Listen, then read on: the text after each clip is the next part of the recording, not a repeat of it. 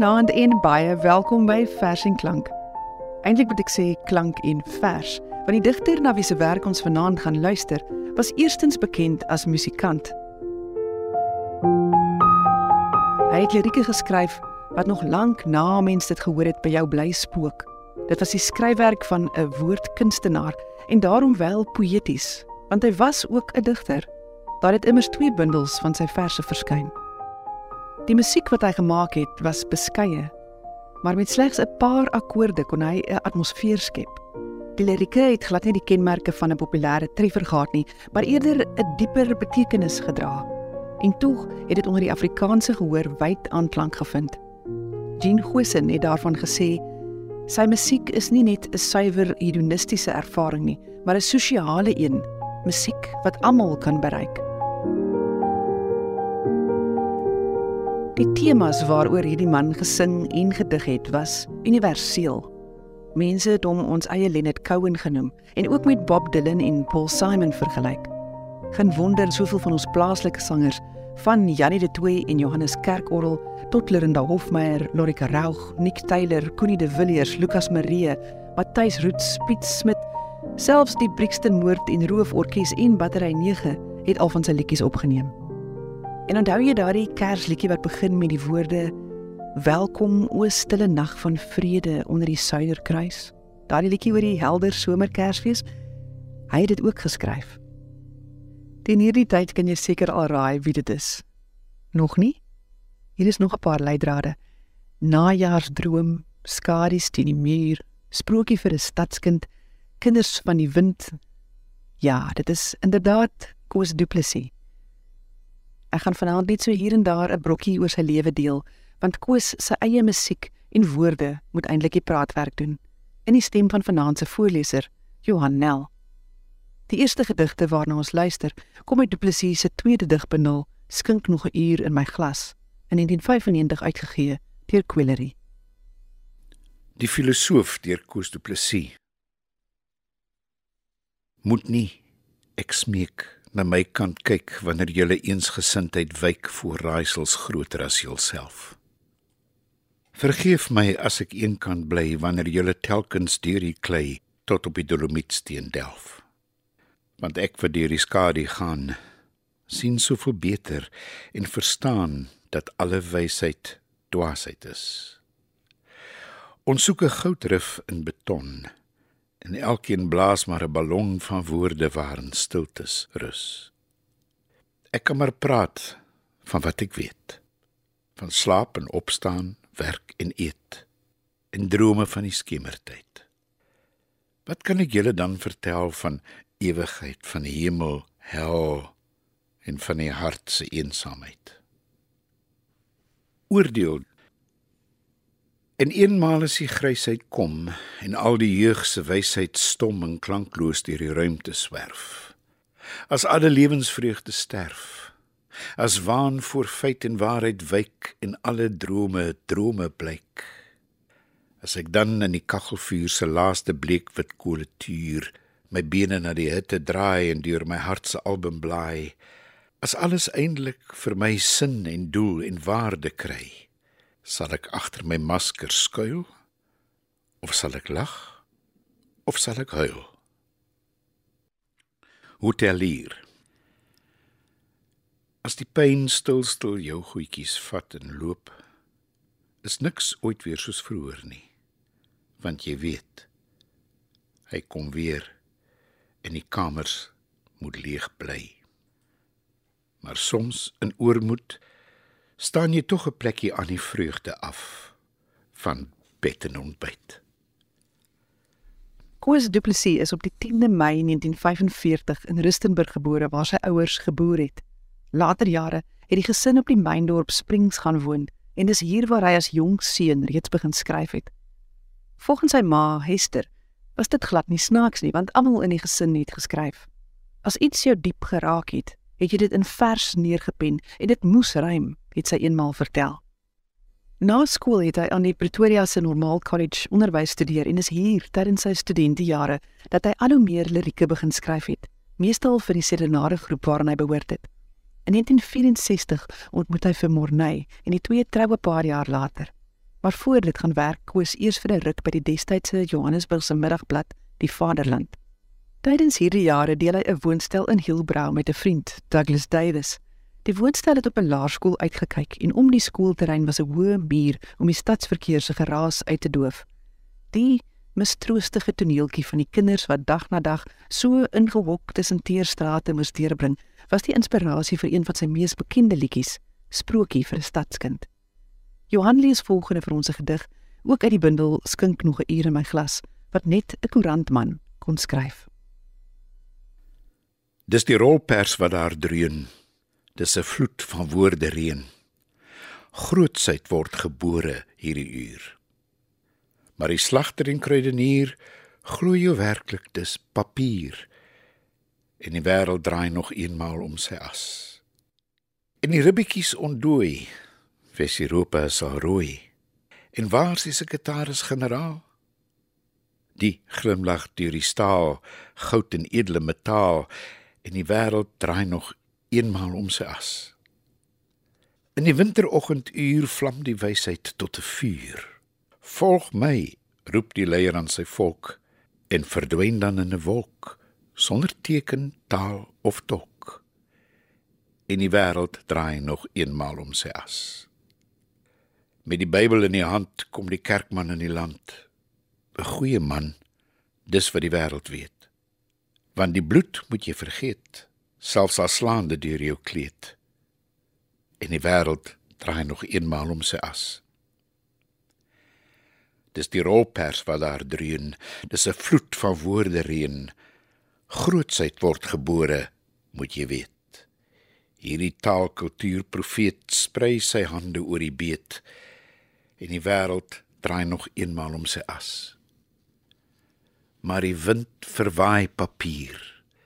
Dis eers daar, dan's dit hier. En jy leer maar gaande weg, dis als verniet. Man kyk, als moet reg geskied binne perke en limiet. En die wêreld draai nog eenmaal om sy as. Na hulle troue in 1969 toer Koos en Morney deur Europa en met hulle terugkeer aan Suid-Afrika woon die paartjie vir 'n rukkie in Amanzimtoti, toe in Randburg en later in Sunnyside, Pretoria. Koos studeer deeltyds verder by Wits en werk weer as 'n joernalis, eers weer by die Vaderland en later by die destydse Oggendblad. Na hulle eerste kind, Irma se geboorte, verhuis Koos en Morney na Virda Park. Later word nog twee dogtertjies gebore, Karin en Carla. Jy is ingeskakel by Vers en Klank saam met my Sofia van Taak en die voorleser Johan Nel. Ons luister vanaand na die soos Gert Vloknel dit beskryf het, hartverskeurende skoon liedjies en gedigte van Koos Du Plessis, een van Afrikaans se kosbaarste stemme wat gans te gou stil geraak het. Koos se loopbaan as musikant het net mooi op dreef gekom toe hy in Januarie 1984 in 'n motorongeluk oorlede is. Teen die tyd het hy ook al menige gedig neergepen, maar dit sou eers na sy dood verskyn in die bundel waaruit Johan reeds vir ons voorgeles het, Skink nog 'n uur in my glas, en 'n ander een getiteld Om jou verlaaste groet. Fanny Olivier het die bundel saamgestel en hy skryf in die nawoord die volgende: Die skielike dood van Koos Du Plessis was vir die luisterlied en vir Afrikaans 'n groot terugslag. Daar is min ander beoefenaars van die genre wat met soveel eerlikheid kan vertel en wat nie weggelok word deur soetsappigheid en mooi skrywery nie.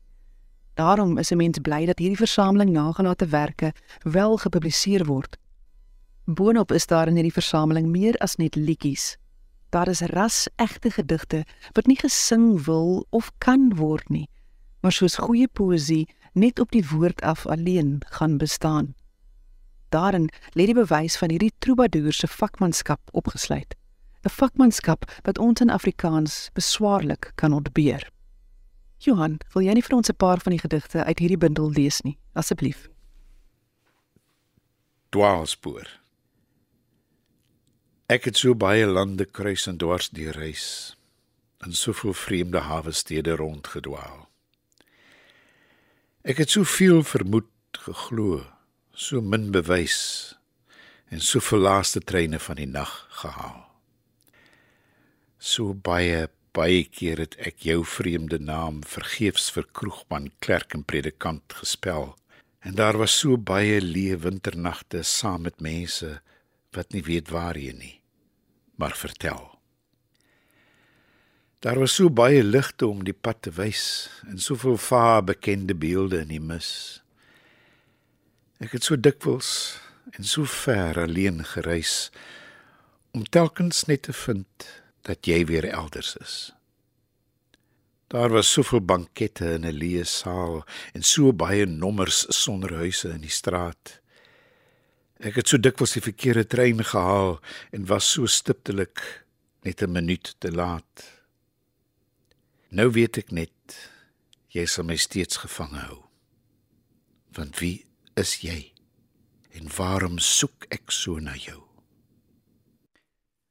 Afskeid Die uurglas het reeds leeg geloop. Die populierboom is gestroop van elke goue blaar. En ons ons staan beteuterd rond en tuur halfskuins weg op die grond. Soos vreemdes vir mekaar. Ek weet jy wil nog met my praat, maar onder in die donker straat hoor ek die motor toet. En vir die derde, vierde keer sit ek my loodswaar koffer neer om jou verlaas te groet. Herinneringe. Jou beeld is 'n verflenterde foto in 'n skewe verflenterde raam. In 'n sestal geskommelde letters spel jy twee lettergrepe genaam. Jou woorde is dor manuskripte vir die motte bewaar op die rak en ons dae 'n krale snoer syfers op 'n oudtydse muuralmanak. Jou oë was die kleur van die aarde, van safier, van smarag of agaat, en jou stem 'n ontwykende deuntjie gevange in 'n stukkende plaat. Vergete is die lag in jou oë of die trane spore oor jou wang. Maar soms in die nag onthou ek hoe diep ek na jou kom verlang. Want wat ek vir altyd wou vashou het die tyd uit my hande laat gly en wat ek so graag wou vergeet het is vir ewig gebalsem in my. Koos Du Plessis het ook slegs 3 langspeelplate in sy lewenstyd opgeneem. Skadies teen die muur in 1979, As almal ver is in 1981 en Herbergier in die daaropvolgende jaar. Stefan Bouwer het in daardie jare 'n televisieprogram oor digkuns en musiek aangebied genaamd Fyn Net van die Woord en hy het oor Koos se musiek gesê Koos Du Plessis is geen groot sanger nie, maar die tegniek om die luisteraar se hart te kneus, het hy heeltemal onder die knie. Sonder om sentimenteel te wees, vernuweer hy 'n mens se emosionele skanse. Interessant genoeg het hy geen musiekopleiding gehad nie. Trouwens, hy kon nie note lees nie. Maar die musikale regisseur Nick Taylor het 'n manier gevind om Koos se opnames te laat slaag. Dit is ook danksy Taylor dat Koos se musiek op televisie blootstelling gekry het. In die laat 70s sing hy van Koos se liedjies op fyn net van die woord, asook op die program Musikale Malemele. Daarna het Koos van sy eie liedjies op die kassie gesing. Dalk onthou jy nog die program Krainies en Merwede van der Merwe se musiek en liriek. En toe volg Katinka Heinz se televisiereeks Phoenix en Key, waarin vier van Koos se komposisies gebruik is, almal gesing deur Lorika Raug. Hierna het veral kinders van die wind lank op die treffersparade gekuier en volksbesit geword. Maar vir Koos se familie lê die biografiese liedjie Molberge, waarin hy oor sy grootword jare op spring sing, die naaste aan die hart. Hieroor het sy ma, Hester, na Koos se dood gesê: "Daardie jare, toe ons daar gebly het met die tafel en die ses stoele wat hy van sing in Molberge, het ons nie besef dat daar 'n dag vir ons sou kom en sommer vroeg." Wat ons eintlik net vyf stoele om die tafel sou wees en wat die wêreld vir ons ook heeltemal te hol sou word nie. Die boek Erfdeel wat in 2004 by Sun Press verskyn het, bevat hooftreke uit Koos Du Plessis se lewe, asook sy gedigte en lirieke. In die voorwoord skryf Andrius Besuidnout met groot lof oor die sterk maar soepel strukture in Du Plessis se werk en hoe 'n mens selfs wanneer jy se lirieke eerder sonder melodie as gedigte lees, steeds bewus word van die vloeiende ritme daarvan. Besuidenout skryf: Koos Du Plessis se bydrae lê dalk juis daarin dat hy gehelp het om ons ore oop te maak vir die oneindige moontlikhede wat die musikaliteit van Afrikaanse woorde en klanke aan ons bied. Dat 'n gebroke en siniese wêreld op 'n liriese wyse verwoord en verklank kan word. In Erfdeel verskyn daar ook 15 voorheen ongepubliseerde gedigte van Koos, waaronder hierdie een genaamd Iewers. Iewers tussenin lê daar 'n wêreld agter glas. 'n Pompeii in die kleine waar kleur en vorm vas en ewig onveranderbaar is, soos dit eendag was.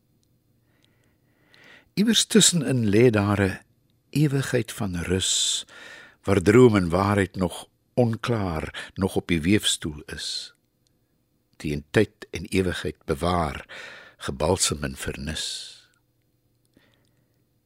iewers tussenin lê daar 'n heel al in die niet waar dooies na die dooies staar wat lag oor hul verdriet en selfs die noorde jaar na jaar die swaakies niks kan bied iewers tussenin lê daar iets wat my steeds ontwyk en jaar na jaar meer stof vergaar van al die kyk en kyk Ek wil glo dat Koos Du Plessis met meer tyd aan sy kant tog die ontwykende dinge sou bykom en vir die res van ons in die allermooiste melodieë en woorde sou uitlê. En die ou kamp het eenmal gesê Koos Du Plessis is een van die belangrikste digter-komponiste in Afrikaans. Enkele van sy tekste het al deel van die kollektiewe onbewuste geword. Niemand vra meer wie die woorde en musiek geskryf het nie jy voel dat dit maar altyd daar was, soos 'n volksliedjie. Koos Du Plessis is al byna 40 jaar nie meer met ons nie. Hy sal altyd hier wees en met dingetjies en gedigte wat bly draal vir ons tente tussen die sterre staan maak. Ek groet namens myself en Johanel tot volgende week.